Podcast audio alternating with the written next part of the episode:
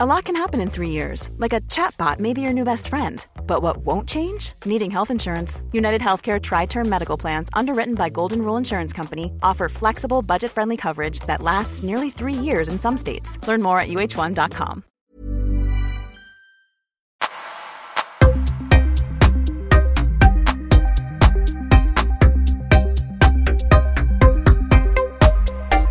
Matilda Wilson, välkommen till eh, Öppet sinne. Tack så mycket.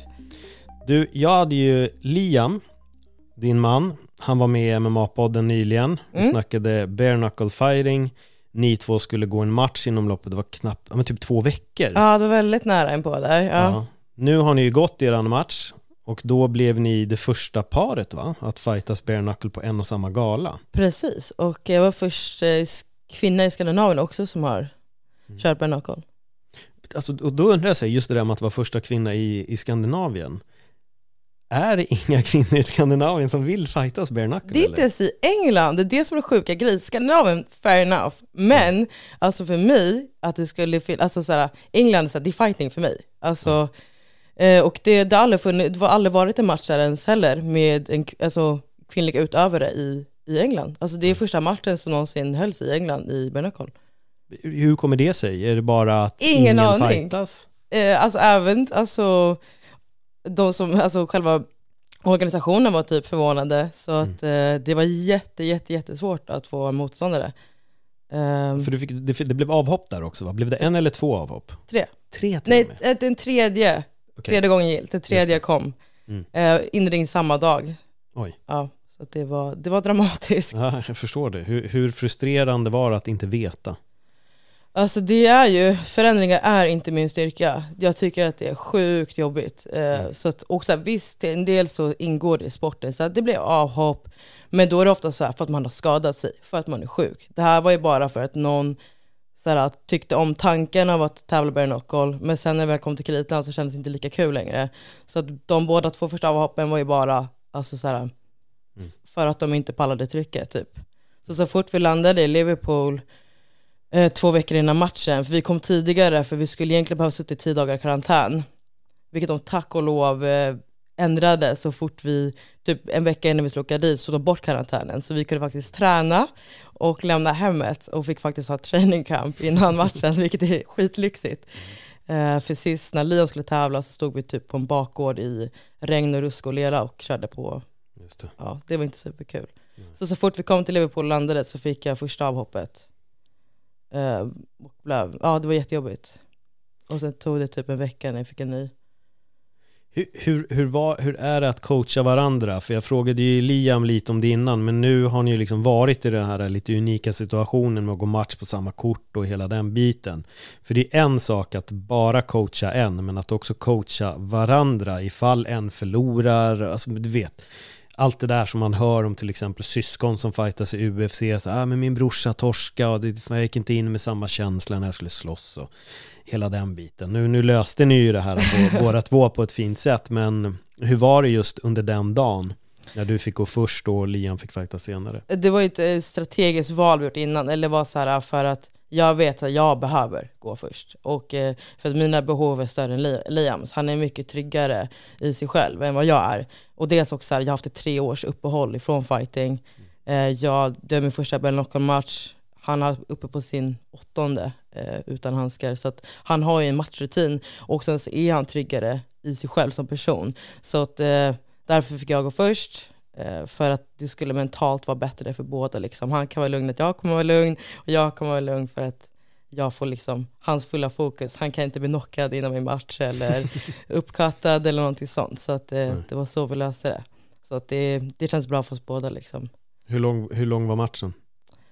53 eller 57 sekunder var min. Ja. Och Liam var där och touchade på två minuter. Så var precis innan. Så, men det kan ju bli så här, alltså absolut, att, att den andra inte ska följa med ut. Så kan det bli, men ett tag till vill jag nog vara först tror jag. Ja, det är så. vad har organisationen sagt? Vad var, vad var responsen från dem?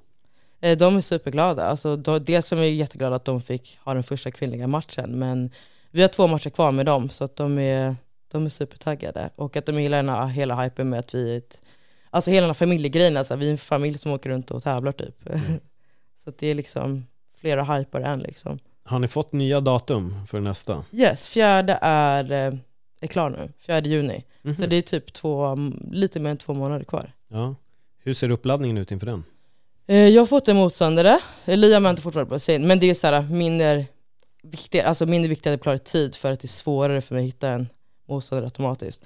Eh, Så nu kommer en tjej från Brasilien eh, Okej. som har professionell bakgrund i thaiboxning. Det är hennes debut dock. Mm. Eh, Så men det känns bra för att hon ändå, mot de tidigare jag blev uppmatchad med, hon är liksom hon är en atlet, hon är professionell. Alltså jag tror mer på att hon, hon vet vad hon gett sig in på.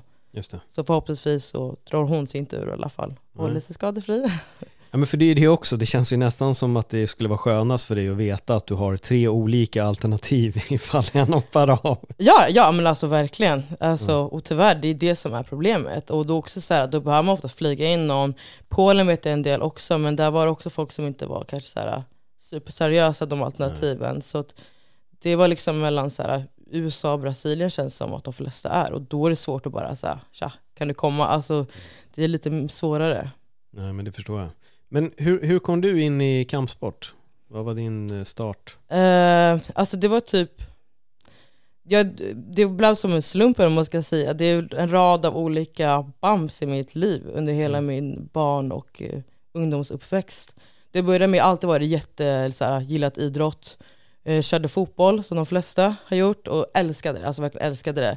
Sen när jag var 9-10 så började jag få jätteont i mitt högra knä i typ ett år, jag var tvungen att sluta med fotbollen. Så började jag få ont i min högra arm, kunde inte skriva, kunde liksom inte sträcka ut eh, armen och sånt. Och sen inte efter ett år så märkte vi att jag hade fått borrelia. Mm. Som hade satt sig liksom i, i typ ryggmärgen, liksom. det satt sig i hela Oj. kroppen. Vilket är jättesvårt att få bort då, då måste det typ själv läka ut. Så jag blev inte typ, inte förlamad, men jag kunde inte sträcka ut mina stora leder i höger sida. Så jag hoppade på ett ben, jag cyklade på ett ben. Alltså man trampar liksom hårt på, på pedalen. Så snurrar det runt igen så man kan trampa en gång till. Eh, skrev med vänster. Så att skolgången blev väldigt tuff. Hur, hur gammal var du då? Jag gick i trean. Hur gammal är man då? Oj, Nio? så- ja, då var du nio år. Nio år. Ja. Så skolan blev, jag hade inte svårt i skolan, men skolan, skolan blev svår för att dels hade jag fått min stora passion borta, så jag kunde inte röra på mig dagligen, spela fotboll, jag var skitgrym i fotboll. Och sen så här, jag kunde knappt röra mig. Alltså jag var tvungen att hoppa fram på ett ben för att det här benet var tvungen att vara böjt. Ja. Eh, och det är därför jag sa på idag, för att jag har lärt mig typ bli vänsterhänt. Ja. Så det är bra för kampsporten så. ja, det förstår jag. Men, men hur upptäckte du att du hade borrelia? Alltså vi testade typ allt. Alltså allt. Jag fick så här... äh, Alltså jag gick till läkarna hela tiden och de sa men nu vet du vad det är, du ska få kortisonsprutor, nej du ska få laser, det är slatter, det är det, det är det, det är det. Och sen kom till en punkt att de sa att jag var i trotsålder. Att så här, hon ljuger. Mm. Eh, så här, smyg på henne, så här, hon ljuger. Eh, det, här, det är bara trots. För att det, det finns inget fel på henne. Och sen så smög mina föräldrar på mig. Och sen när jag var själv, jag hoppar fortfarande på ett ben. Alltså man gör inte det för att det är kul, det är skitfrustrerande. man Ja. kommer liksom aldrig fram. Ehm, och då så bad mamma, jag tror det var mamma som bad läkarna som ta ett borrelia-test på henne i alla fall. Och då hade jag borrelia. Men då hade det gått så lång tid så att det, liksom, det hade redan förstört min kropp. Och då behövde det själv läka ut. Hur gjorde du det? Så vad var... Man bara, man bara väntar. Alltså vi visste inte hur lång tid det skulle ta. Eh, och då, så alla i min skola var så här, jag är uppväxt på landet utanför Uppsala.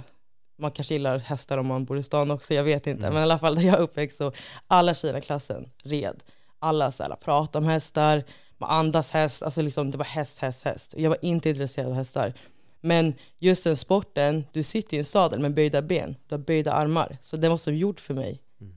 i den tiden av livet. Så mina föräldrar köpte en häst till mig eh, efter jag hade testat på. Jag tyckte det var skitkul när jag väl testade. Men jag hade liksom aldrig ens tänkt tanken tidigare. Så det ersatte fotbollen. Så då gav man mig för en häst, jag började tävla. Eh, och fick en till häst, jag hade två ponnyer. Så det var liksom, det var min nya fotboll, det var hästlivet. Hur länge höll du på med hästarna? Jag tror jag fick min första häst när jag kanske var 10 Mm. och sålde den, sålde den när jag var kanske 15. För då kom nästa bump i livet. När jag var 12, skulle fylla 13 precis, så var min familj med i tsunamikatastrofen. Mm. Och vi var väldigt illa däran så att Jag fick typ PTSD efteråt, mådde skitdåligt. Hade svårt att gå i skolan, var rädd för allting, ville inte vara i stallet. För, att för mig var det så här, en tsunami kom på min, på min semester. Mm. Alltså när jag ska bada på stranden. Alltså, för mig kunde en tsunami kunna komma genom skogen. Alltså att det behövs liksom ligga på vissa att jorden behöver vara på ett sätt förstod jag inte. Eller liksom, det fanns ingen logik för att jag var 12, skulle fylla 13. Man kunde inte dö som barn. Nej. Och helt plötsligt kom det en tsunami. Vi visste inte ens vad det var för någonting. Så jag blev väldigt traumatiserad efter det. Och hästarna blev liksom inte längre något kul. Utan det blev bara liksom ångest att behöva åka upp dit och vara på vara ute och rida själv i skogen. var skitläskigt. Så jag hade väldigt mycket aggression inom mig. Vilket inte är jättebra när man är runt djur för de är jättekänslostyrda. Alltså de känner ju av ens energi. Så att det blir liksom inte, det blir inget fint längre. Får man fråga vad som hände under tsunamin? Var, var, liksom, var, var var ni?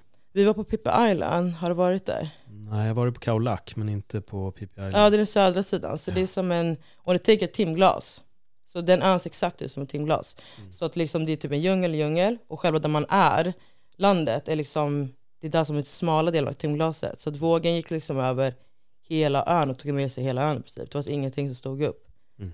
Så, ja. Hur hittade ni varandra? Jag och pappa hittade varandra direkt. Jag och pappa hittade varandra direkt. Mm. Eh, För vi fick typ en hus, ett hus typ över oss som brast. Så vi kom upp i ytan samtidigt. Min bror var uppspolad på typ tredje våningen på ett lägenhetshotell.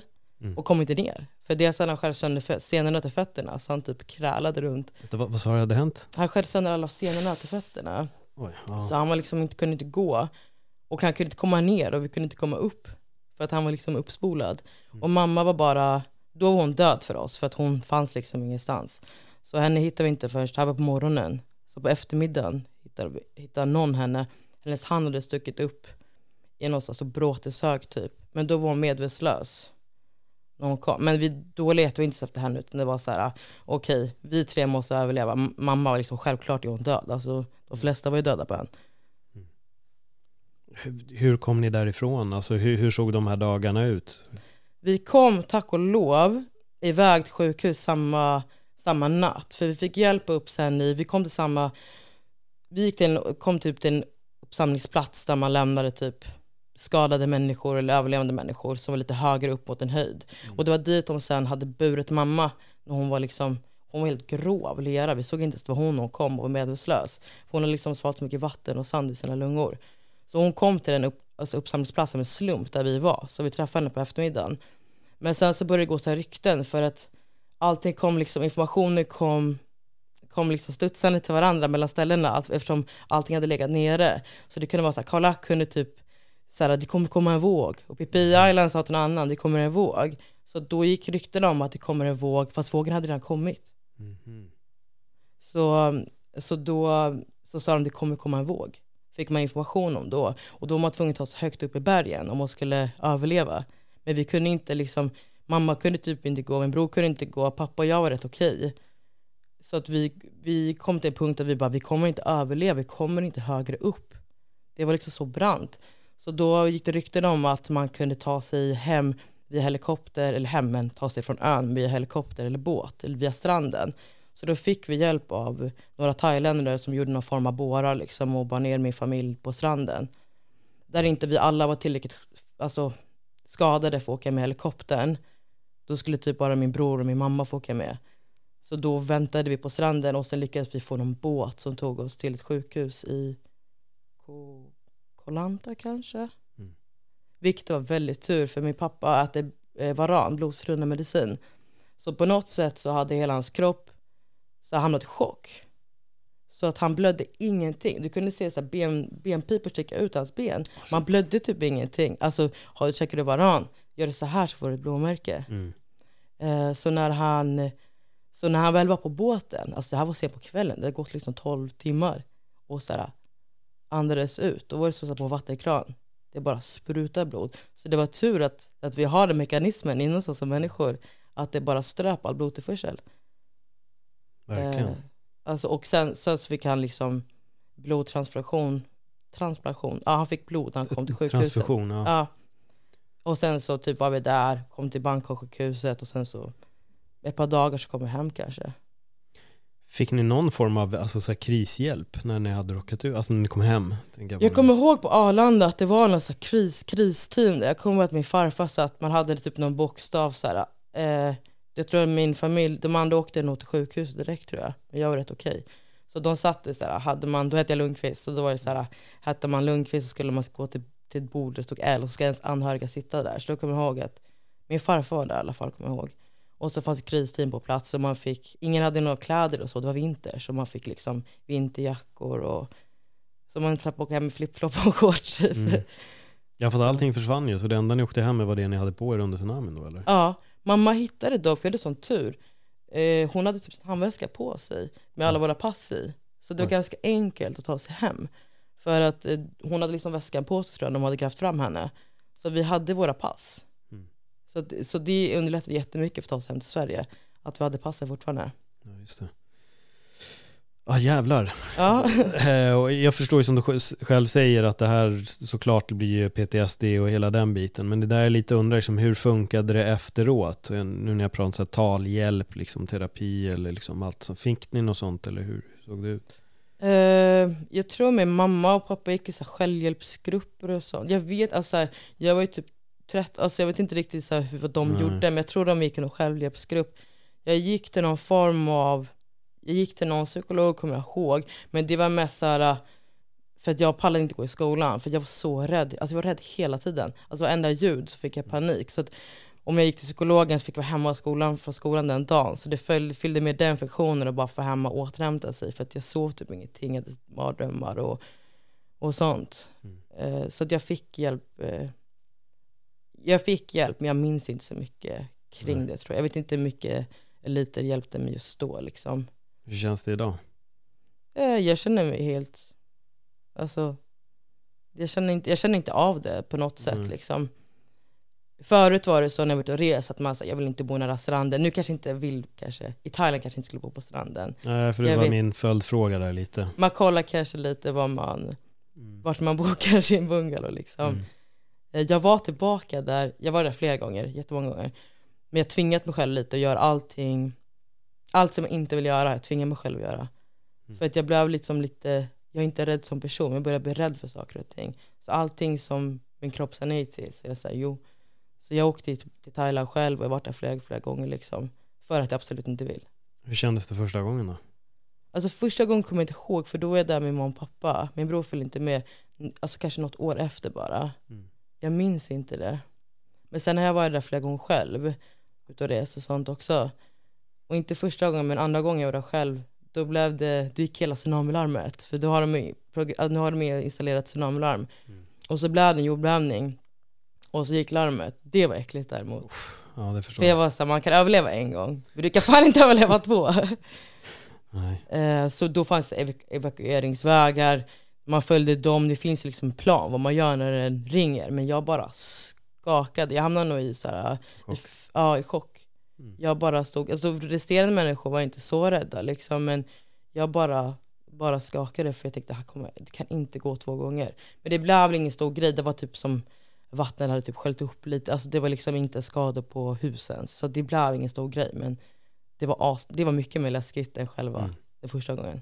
Men första gången, man förstod ingenting, eller hur? Det började bara komma en massa vatten, och, eller vattnet började försvinna. Det var väl så det var va? Att det bara, Precis, och det är normalt, alltså, särskilt just på det stället för det var jättelång grund. Så att Ebba och floden kan ju se så olika ut beroende på vilken plats man är på. Mm. Alltså för att där kunde du gå ut, alltså när det var, eh, när det var ebb, då kunde du gå svinlångt ut, det är jättelångt runt.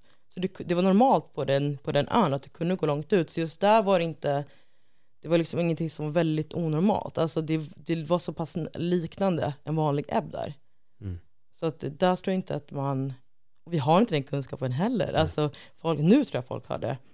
Men just på den platsen dessutom, att det var så normalt. Att det såg ut som en vanlig, att det var så, ah, nu är det ebb. Mm. Och andra platser, där kunde det vara att det var ett djupt. Så där blev inte ebben så pass liksom markant.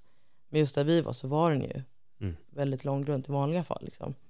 Och för när jag var på Kaulak så vet jag, vi var på, eh, man kunde gå längs en strandpromenad och där var det ett hotell som hade blivit helt bortsköljt. Mm. Så det fanns kvar typ man såg att det fanns en pool och så var det, det var lite grejer kvar bara. Det var, det var så skumt att tänka att det här har varit ett hotell. Nu hade det blivit skog också, det hade börjat växa liksom. Ah. Okay. Så det har blivit lite grönska där, men man kunde se att det ha, man förstår att det har funnits något här. Och det var liksom ett av få ställen som de valde att restaurera, utan de valde att behålla det tror jag lite som ett minne av vad som har hänt. Mm. Ja, mm. precis. Så hade de också gjort att Pippi kom tillbaka, att, man, ja. att det blev som memorial, alltså att man ändå att man inte helt vill så här, bara fixa, så här, nu har ingenting hänt, utan man ändå vill liksom bevara det på något sätt. Ja, som var på någon annan punkt också där det skulle ha varit liksom en, ett av de ställena som blev mest drabbade på just den delen då. Jag tror där den verkligen hade svämmat in hårt och där var det massa minnes, eh, minnes eh, mm. texter och bilder och massa blommor. Och, oh, det, är en, det var speciellt. Um, jag, jag känner nog, jag tror så här, jag kommer ihåg när jag varit på New York där de har efter 9-11, eh, mm. vad heter Ground Zero? Mm. Jag kommer ihåg jag gick med GPSen och letade, bara, vart är det någonstans? Man gick så här istället för att kolla upp. Och sen så fick jag bara så här, det kändes någonting i hela kroppen. Och då var jag framme för att jag tror ändå man känner, alltså det är en känsla som ligger kvar. Alltså det har varit liksom, mm. det har varit sån skräck, sån sorg.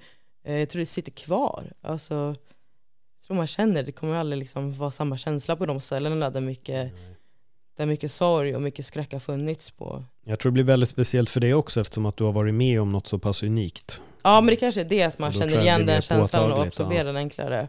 Verkligen. Men eh, liksom, vad hände, om vi säger så här, när, när du väl la ner hästarna, när började allting lugna sig för dig? Att du började släppa den här oron, ska vi då säga, att det skulle komma tsunamis inom skogen och sånt? Mm, kanske Alltså, jag kan tänka mig att det kanske var kanske några år eller så, men sen så var jag bara liksom Sen var jag bara så arg, alltså jag, jag var så, för jag minns att det var sjuan, det kanske det var, ja sjuan, åttan tror jag, så det kanske var typ ett, ett, ett, ett och ett halvt år som jag var riktigt rädd.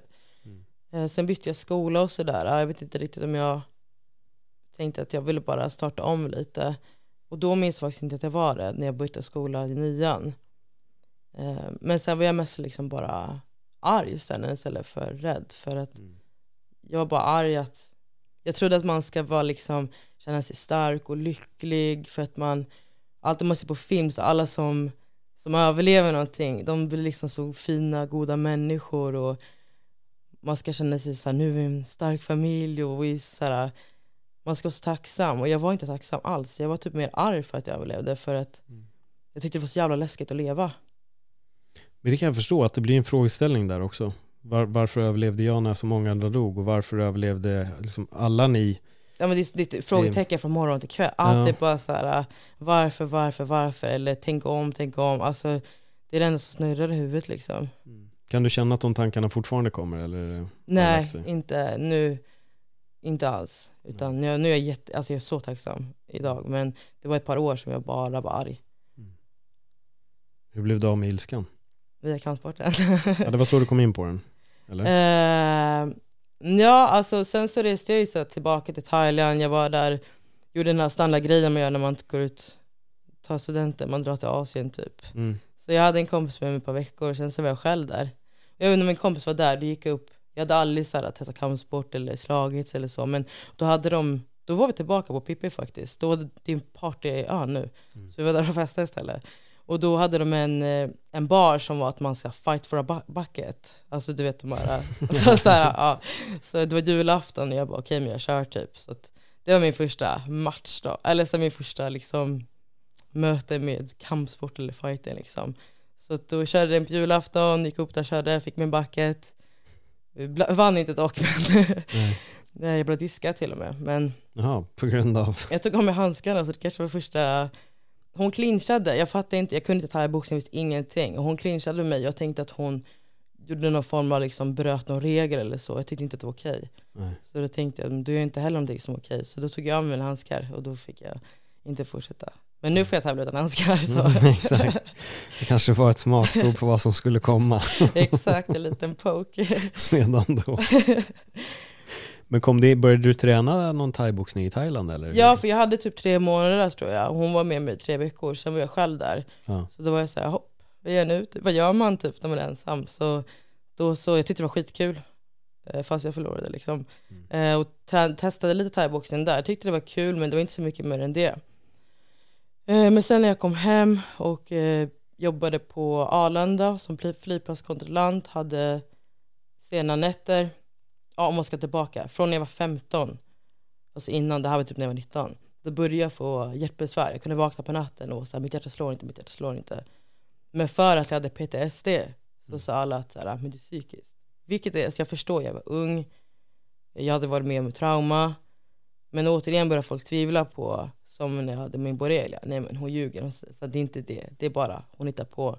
Så det var återigen alltså en tvivel om att det jag sa inte var sant. Mm. Nej men det är, inte, det är inte det, det är bara psykiskt. Och sen var jag i Thailand, kom hem från Thailand, jobbade på Arlanda nätter. Och som, ja, som du vet, nätter inte, att vara vaken på natten är inte bra för vår kropp oavsett om du är frisk eller sjuk. Men min kropp var inte frisk. Så då kollapsade jag och fick en pacemaker. Mm. Um, och då sa läkaren till mig upp på sjukhuset. Jag var själv där tror jag, för det var väldigt så här, det var ambulans in tror jag. Och sen så helt plötsligt hade jag en pacemaker. Jag och mm. alla 90-åringar typ. så det kändes inte, det var jag och så här, ja men typ 100-åriga människor där. Jättekonstigt. Och då sa han så här, A lot can happen in the next three years. Like a chatbot may be your new best friend. But what won't change? Needing health insurance. United Healthcare Tri Term Medical Plans are available for these changing times. Underwritten by Golden Rule Insurance Company, they offer budget friendly, flexible coverage for people who are in between jobs or missed open enrollment. The plans last nearly three years in some states, with access to a nationwide network of doctors and hospitals. So, for whatever tomorrow brings, United Healthcare Tri Term Medical Plans may be for you. Learn more at uh1.com.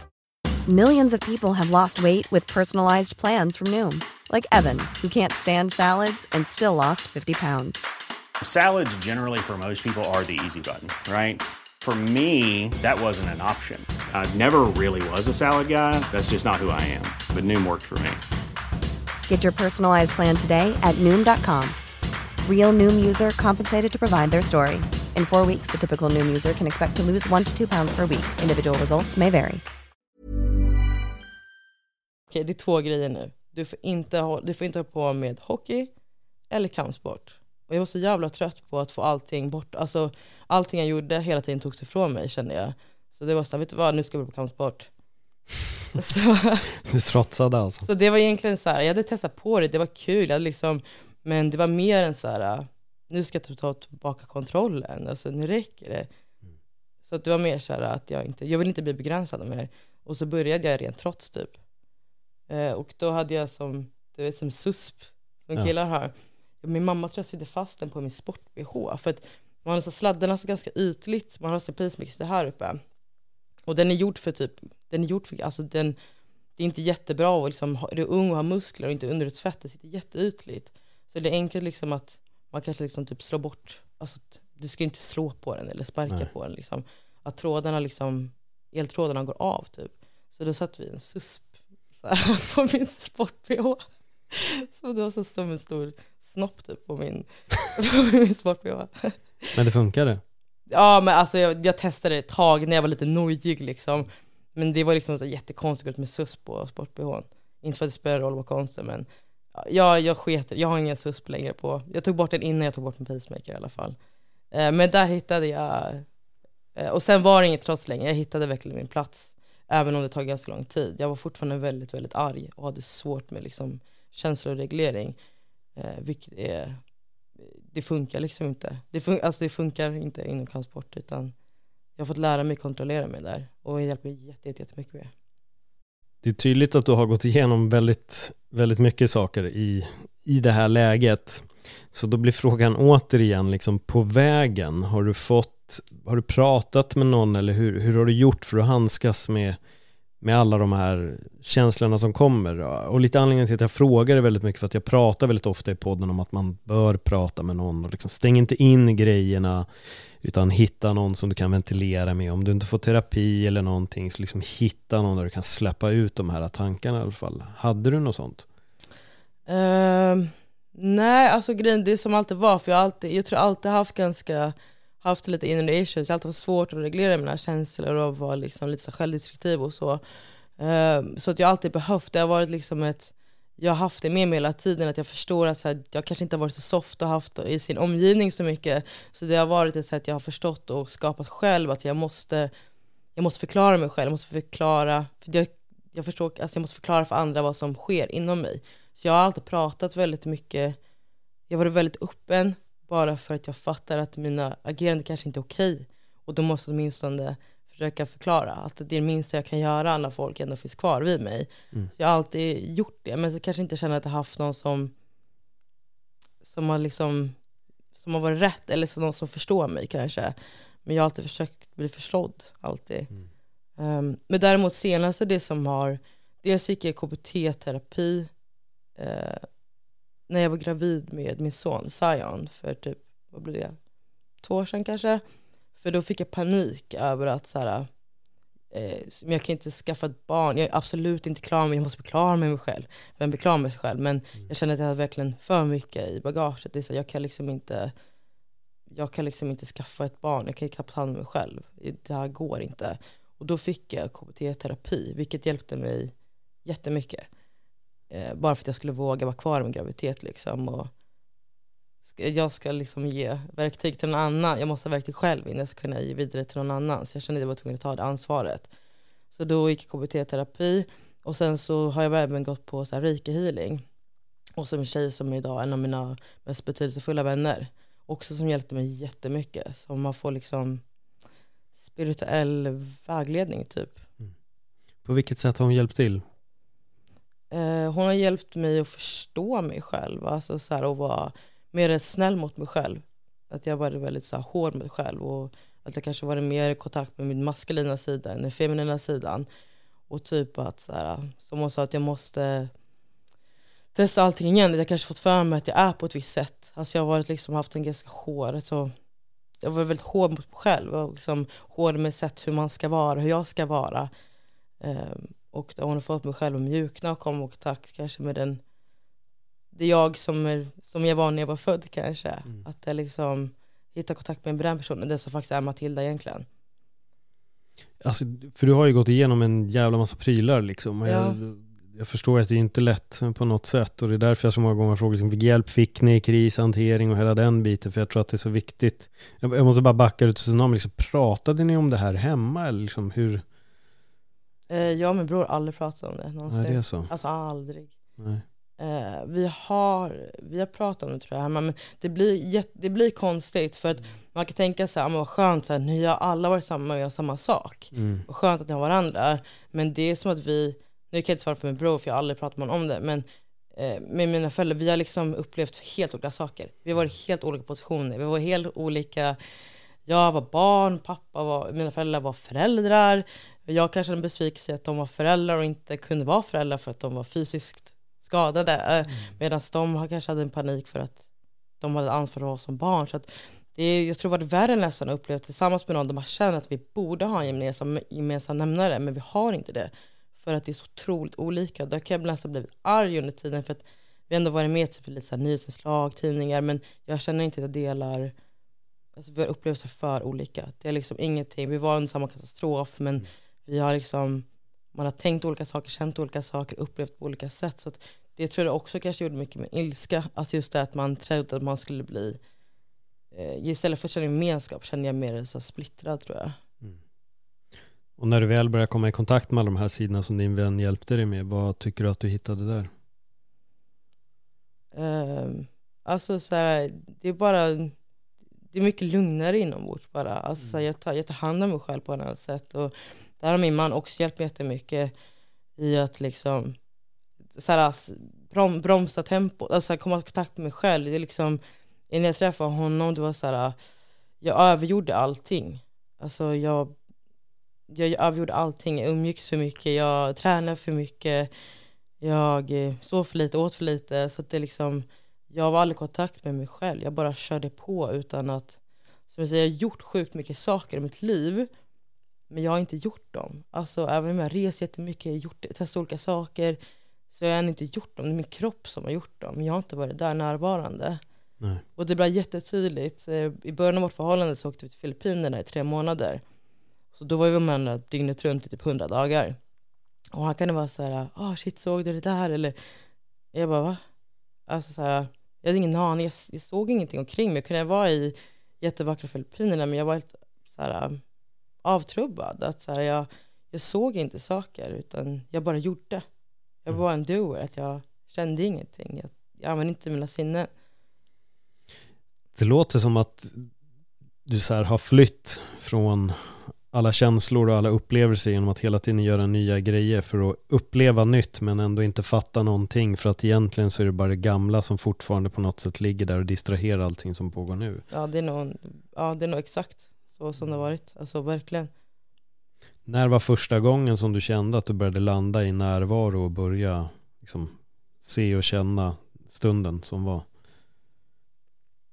Mm, jag tror typ, eller första gången jag tänker, där var det typ så första gången jag förstod, för där blev det typ konflikt. Att jag, så här, Liam då, han var så här, han var lite såhär wow, vem förstå? Alltså, så här, han är så här, han ville verkligen dela det här med mig. Alltså, det var liksom världens, liksom på, på pappret var, var vi liksom världens bästa plats. Men han kunde liksom inte dela det med mig. Alltså, han var så här, hur kan hon inte se det jag ser? Hur kan hon inte höra det jag hör? Alltså, hallå, är det någon där inne?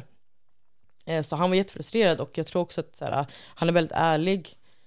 Eh, så att han liksom konfronterade mig med det här att jag, liksom inte, jag är inte närvarande och jag, blev ganska, jag tog det ganska illa vid mig för att säker för att det träffade ganska hårt. Och så här, hur fan blir man närvarande? Alltså så här, det är inte som att okej okay, men då ändrar jag mig. Det är en jätteprocess. Så att jag känner nog att det var lite övermäktigt att känna att det var sant. Och jag, det var ganska stor sorg också för att jag vet att jag har Alltså sagt upp mig från jobb, dragit iväg, dragit iväg, sagt upp mig, dragit dit, gjort det, bytt lägenhet, bytt det, bytt klubb. Alltså jag har bytt grejer hela tiden för att jag vill, för att jag vill känna uppleva saker, men jag har inte upplevt det skit. Nej. Så det, det, det jag blev jätteledsen för att jag känner sorg. Jag vet att jag typ slösat så många år i mitt liv. Mm. Å andra sidan, så hade han inte sagt det, då hade jag aldrig fått uppleva det jag upplever idag. För att mm. jag hade säkert ofta, alltså, så jag är jättetacksam för det, men det var tufft där och då. Men första gången var när jag var jag precis flyttat till Farsta, jag tror det var ja, men typ två, det var också när jag var gravid. Och jag hade min första, jag tror jag somnade i, på soffan på eftermiddagen, jag hade typ en nap. Mm. Alltså Liam nappar hela tiden. Det var så här, det har man inte tid för, man ska uppleva, man ska göra saker. Så jag var så jag tittade, jag såg nästan ner på honom för att han nappade hela tiden. Har du tid med det där? Du måste ju leva. Um, men så här, och det var första gången som jag näpade. så att det skulle jag nog säga första så här, minnet av att så här, jag slappnade av och typ så här, jag är trött.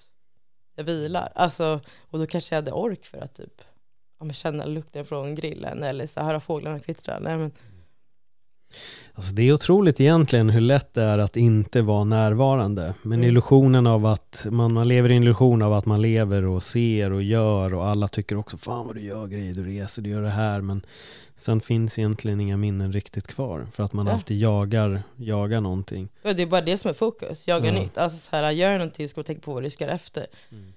Uh, men egentligen, du gör ingenting. Alltså, det är bara ditt skal som gör någonting. Det är inte du. Alltså, jag blev typ irriterad på ett gammalt ex till mig för vi var i, jag hade åkt till Spanien. Så jag hade precis landat, på väg till hotellet och så säger hon ah, Gud alltså jag ser redan fram emot nästa resa. Oh. då vart jag så bara, det där kan du säga när vi åker hem, men du kan inte säga det nu. Jag bara, det här betyder ju att du redan är klar med den här resan. När du redan nu är och planerar en annan resa. Det där var nog garanterat jag då. Ja, det kan jag, tänka mig. jag kan känna igen mig extremt mycket där. Ja. Inte kvar där men Nej. ja. Och jag förstår, så här, är man då någon som är alltså, som säger, det är det värsta någon kan säga. Alltså ja. ni har liksom precis landat. Mm. Det är nu du ska börja och hon är klar. Ja. ja. Det blir, eh, ja. Det här är farligt det där. Hur tycker du det känns idag? Med? Med, med, med allt, med närvaro och hela den biten. Alltså jag är på mitt, så här, jag kan bara jämföra med mitt, mitt pass och så här, jag har aldrig varit alltså, så närvarande nu. Så klart jag strävar efter ännu mer varje dag. Jag testar allt jag kan. Jag gör det utan att övergöra det. Jag behöver inte mm. testa mm. tio saker på. Alltså det får, jag får acceptera mig att det får ta sin tid. Mm. Uh, så att jag, jag är jätteglad över vad jag är idag. Uh, Så att jag, ja. En instickare där bara. Mm. Du har inte kvar någon pacemaker idag, för jag tror inte vi har gjort klart det med lyssnarna, utan den de kanske borta. tänker, vänta, går hon bare knuckle och har de här? När, när Men det hade jag den? kunnat gjort, alltså skulle jag få tillbaka den, den, den hindrar inte mig, utan mm. jag har samma hjärtproblem idag också, mm. eh, men vilket har avsevärt eh, avtagit, också sedan jag blev gravid. Jag mår jättemycket bättre. Så jag tog bort den bara för att jag kände av när den skickade el och gick in och så här, jag hade den för att jag har ett AB-block som gör att det är fel på reslängdssystemet, skickar impulser till hjärtat som säger nu ska du slå, nu ska du slå, nu ska du slå. Och då går inte snararna fram och då blir det ett uppehåll. Mm. Ehm, och det har jag kvar, det har jag fortfarande. Och sen när du tränar så får du lägre vilopuls, vilket betyder att du får ännu färre hjärtslag. Vilket är, det är säkert superbra om man har normal puls, men jag fick typ ingen puls alls. Ehm, så jag har kvar det, men däremot sen, sen jag började så här, dragit ner på stress, ner på tempo, jag äter mer, jag vilar mer, alltså främst återhämtningen. Eh, vilket jag tvingades till när du är gravid. Alltså du kan inte göra så jävla mycket, alltså jag hade inget val. Det var som jag hade liksom, jag tror det är därför jag blev gravid, för det är liksom mot alla odds när jag blev det. Ehm, och, och där lärde jag, tvingades jag mig att lära det, Mm. att, eh, att dra ner på tempot. Eh, jag tränar mycket mer smart idag, vi tränar mycket mer kvalitativt än att bara så här, nu är det träningscamp och kunna säga så här, det är två pass, två pass om dagen, det är tio veckors uppladdning. Alltså det kanske kan kännas skönt om man är osäker att kunna säga till andra vad man gör, men det betyder ingenting. Nej. Eh, Så att vi tränar mycket smartare och mycket mer komprimerat, mindre tid.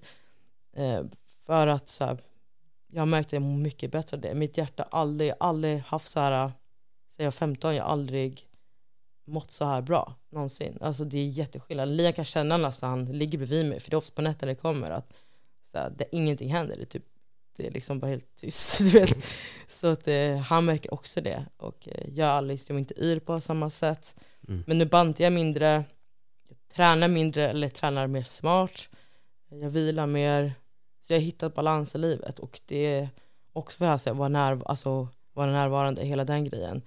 Så att, därav att inte behöva känna av sitt hjärta hela, hela tiden. Det är en jättestor del till att jag mår bättre idag också.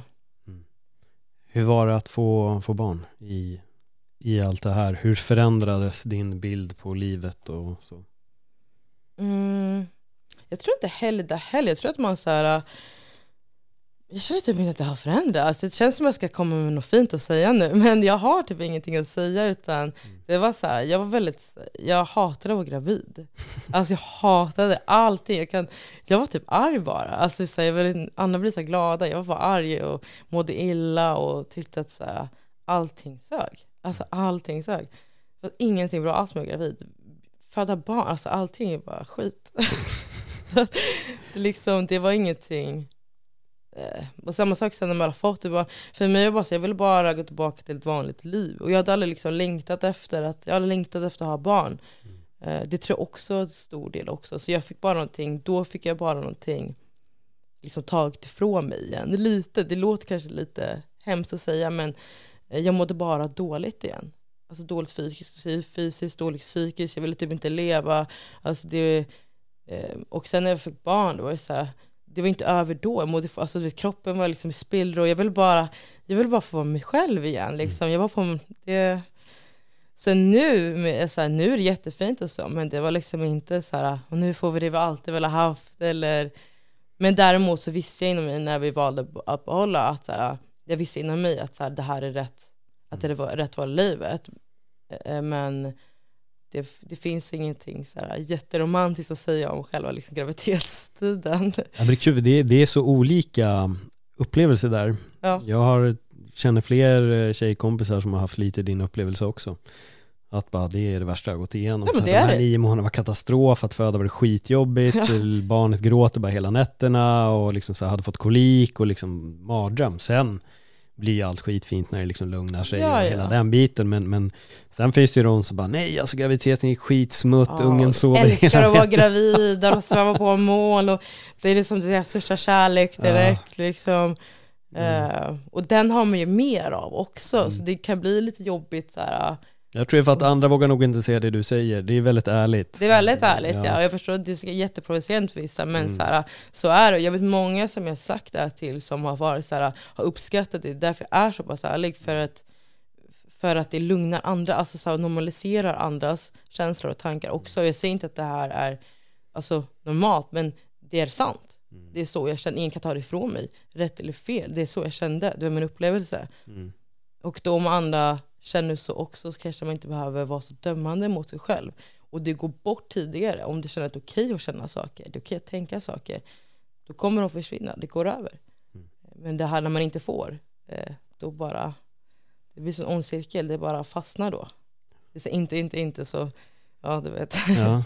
Men han är ju som er lilla maskot, han är med överallt. ja, jag hade, hade bäst alltså. Ja. Det var en lilla, ja, men han är vår crew liksom. Mm. Det blir ett gäng. Vad, vad säger de när ni kommer till era matcher, när det är verkligen hela lilla familjen samlad? Alltså det är ingen som säger någonting, för det är så, alltså alla vet. Alltså vi är väldigt så här, honom på sociala medier och så. Och, och, så här, och inte bara det, utan han är, han är överallt. Så du behöver inte ens följa på sociala medier. Han är var vi än är. Eh, vi har ingen familj eller så i Stockholm. Eh, hela hans familj bor i England. Och min familj bor inte i Stockholm. Så att han har bara fått så här, anpassa sig och älsk, älskar det livet vi lever. Och vi älskar att han älskar det livet. Jag skulle inte vilja ha det på annat sätt. Jag älskar att han följer med överallt. Mm. Så jag ser mig mer att han, jag identifierar mig själv inte som mamma riktigt. Jag tycker det är så konstigt att, jag, jag tänker inte heller att Lia är pappa. Alltså, men, alltså, det är så konstigt men eh, jag älskar honom omkring mig. Och jag älskar att här, han hänger med oss liksom. Nej, ni är en cool, cool liten trio, Ja. måste jag säga. Hur ser framtiden ut? Vad, vad är planen? Ja, nu är det allt fokus på, det är fighten liksom. Nu har vi hittat Mm. så här. jag har aldrig haft typ, jag har aldrig haft typ så här, ja men jag har på med kampsport i typ 10-11 år. Och jag har aldrig tänkt så här, ja jag vill vinna SM, jag vill vinna VM eller jag vill det. Aldrig haft, jag har aldrig liksom, så här, jag tyckt om det jag gör och det har räckt för mig. Jag har tävlat hit och dit men jag har aldrig liksom, samma sak jag tävlade inom så här, när jag red och hästhoppning, dressyr. Jag tänkte att jag vill bli som Malin bara gör. Alltså jag hade aldrig så här, men Mm. nu är det första gången som vi har så här vision. Alltså vi, så här, det här är rätt plats jag är på. Jag har aldrig känt den här känslan. Att så här, jag vill vart jag vill inom den här sporten. Eh, och det känns svinkul. Jag har alltid varit lite avundsjuk på folk som, som säger jag vill bli advokat eller jag vill, jag vill bli världsmästare. Men jag, jag har aldrig känt det drivet. Eh, förrän nu. Alltså jag vill, vi ska till toppen inom det här. Mm. Så, så det, eh, 4 juni går jag min andra bare match och Liam går i samma kort. Så vi har ett tre, tre kontrakt med BFBA som vi tävlar för nu under den organisationen. Så det kommer bli juni och sen så vinner vi den matchen så blir, får vi båda en titelmatch i december. Så vi vill ha våra två bälten. Mm. Eller det blir tre då med Liam Cedér från december. Så Just det är det. det som är planen just nu. Och sen, alltså jag vill så gärna till BKFC. Det känns som, ja. Det borde väl, jag ska inte säga att det borde gå fort att komma dit, men jag tänkte det skulle väl kunna gå snabbare, alltså kanske för dig. Alltså jag tänker bara rent liksom, alltså kvinnor är det väldigt lätt att komma in i vissa organisationer och sånt, så att det Precis. finns det är, mi- det är färre, du är väldigt duktig, så jag menar, skulle du plocka ett bälte skulle du nog kunna springa före lite i kön. Så det är det som är tur. Alltså jag har haft mina, mina tre års uppehåll medan Mm. Liam har varit superaktiv. Mm. Och där han har, typ den punkten jag fått tänka sig, ja men nu ska ni sluta. Då börjar Liam med den mest extrema sporten du kan tänka dig. Ja. En vecka innan Zion föddes så stod jag runt buren på King of the Ja, Streets jag det där. med BB-väskan och var såhär, ja, ja vi kanske föder i Göteborg. Mm. Eh, jag fick inte ens komma in eh, för de var såhär, du ska chilla på hotellet? Jag bara, nej jag är coachar typ. Mm. Ehm, så då det var ju då vår resa började när folk kanske tänker såhär, ja men nu ska de nu ska de väl sluta med det där. Mm. Eh, men det var då ting, allting började. Så att Liam har varit jätteaktivt. Eh, så det är det som är tur, för att som du säger, som kvinna har jag fördel på det sättet att det kanske är enklare, alltså det finns färre, färre, färre att liksom konkurrera med Mm. för att komma till en högre nivå. Och Liam har liksom, han är ganska välkänd, han har, han har tävlat ganska mycket nu. Så det känns som att vi är på samma, Mm. samma, vad ska man säga, vi är lika attraktiva att kanske ta med sig dit. Och att så här, vi säljer oss, vi gör den här grejen tillsammans, så här, ta båda eller ta ingen. Alltså, jag skulle inte vilja göra det här utan honom, han skulle inte göra det utan mig. Eh, så att jag tror att vi är, Ja, men det ska bli jättespännande att, att följa. Och jag tror också att det är en bra grej det där med Knuckle och jag tror det är, det är en bra, en bra marknadsföringsvinkel på Ja. det, att liksom båda två kommer in och att det är det. Och nu gör ni ju den här resan parallellt, så det finns ju för andra organisationer också att bygga på det. Här är paret som ja har fightats under andra organisationer, har vunnit bälten och titlar och liksom nu kommer de hit och kommer fightas återigen på samma kort. Hur ska det gå? Så det, allting så. handlar om att bygga en, en historia. Ja, ja precis. Det är så, man är ju sitt eget varumärke. Alltså Ja. det är man, så det, det, det är jättebra så att den, att den har fallit på det sättet. Det, det var en kille från Ryssland som gjorde den, han gjorde en fanpage till oss. Eh, Så för jag tänkte innan, för det var någon, jag skulle varit med på en annan, min första Bernacle skulle varit i Norge som blev största floppen. Jag vet inte om du har hört om Ragnarök? Nej. Den är, det är rätt kul att lyssna på efteråt. eh, för de har, det är någon eh, podcast som har gjort sådär, vad hände sen? Med alla fighters, eh, de, de som hade, de som är i organisationen. Det var största, största, största floppen. Det var värsta skämtet. Mm. Ehm, men, men då ska man ha ett fightnamn. Och jag bara, men alltså man kan inte bara hitta på ett fightnamn. Nej. Alltså hur får man det? Jag kan inte bara, jag bara, ni kan inte skriva något, jag kan inte bara hitta på något bara för att. Men just Knuckle Couple blev för att han gjorde en fanpage till oss. Eh, där han kallade oss för Knuckle Couple. Och sen bara, okej så här, men den är rätt så här, den är rätt skön. Eller så, här, Ja. så nu har den bara, nu kör vi på den. Eh, Och nu tryckte vi på bra kläder så nu har verkligen, den verkar satt sig. Ja. ja, men grymt. Mm. Grymt, fan vad spännande. Sa du att det var 4 maj eller 4 juni? Juni, 4 juni, då är det dags igen alltså. ja, i England. I, det blir Wolverhampton igen, samma Mm. Arena. Bra. Superspännande. Jättetack för att du har öppnat upp dig, delat med dig eh, utav allting som du har gjort. Det krävs ganska mycket att liksom gå dit, det vet jag. Det är inte alltid det enklaste, så jättetack för att du, för att du valde att göra det. Tack för att vi komma hit, verkligen. Ja. Jättekul. Och sen ser jag fram emot, som jag skrev till både dig och Liam, jag vill se det där fotot Ja, sen ja, med, ja. med Jag har redan bältena. sett det visuellt så det, det kommer snart ett, ett fysiskt, en fysisk bild också. Ja men det är helt rätt. Om eh, folk inte redan följer dig på er resa, ska jag säga, var Mm. hittar man dig och er då någonstans? Dig och, Lima, dig och Liam? Liam, eh, jag finns på Instagram på Mm. heter Porcolito. Lilla grisen på spanska, är det inte? Jo det är det. Ja. Ja. Ja, jag, måste, jag vill byta det. Eller det, det blir egentligen, jag tror att det är italienska och portugisiska. Eh, Gris på spanska är cerdo, men jag tror att man kan använda det uttrycket också. Men porco tror jag är mer, mer ja, det italienskt. och är chefnamn, jag, jag måste göra mig av med det. Ja, för jag, undrar, jag har tänkt på det, Lexa, varför lilla grisen? Min kompis hade som heter Chancholito, det är också en gris. Vi hade en sån grisfetisch förut, jag vet inte, vi var så här jätteinsnöade på grisar. Ja. Så jag har haft den så sjukt länge och nu är det så här, ska man byta något så ska det vara bra om man bara går och byter. Ja, jag kommer ja. inte på något, det ska bytas. Men just nu är det Porcolito. Ja. Eh, ja. Och uh, Bare Knuckle Couple eh, i våran gemensamma och nu fyller våran uh, Bare Knuckle-resa. Mm. ja men grymt. Yes. Super, super tack. Tack. Och eh, till alla er som sitter där ute, ja, alltså jag hoppas att ni har kunnat bli inspirerade av den här historien där helt sjuka motgångar ändå till slut leder till någon form av framgång och en vilja att ta sig fram. Men kom ihåg att lev här och nu. Och om du bara gör massa grejer och inte befinner dig i nuet, då är det nog dags att pausa och kanske bara lägg dig på soffan och ta en liten nap. Eh, Med det sagt så får jag säga tack för att ni lyssnade, så hörs vi nästa gång. Hej då! Hej då.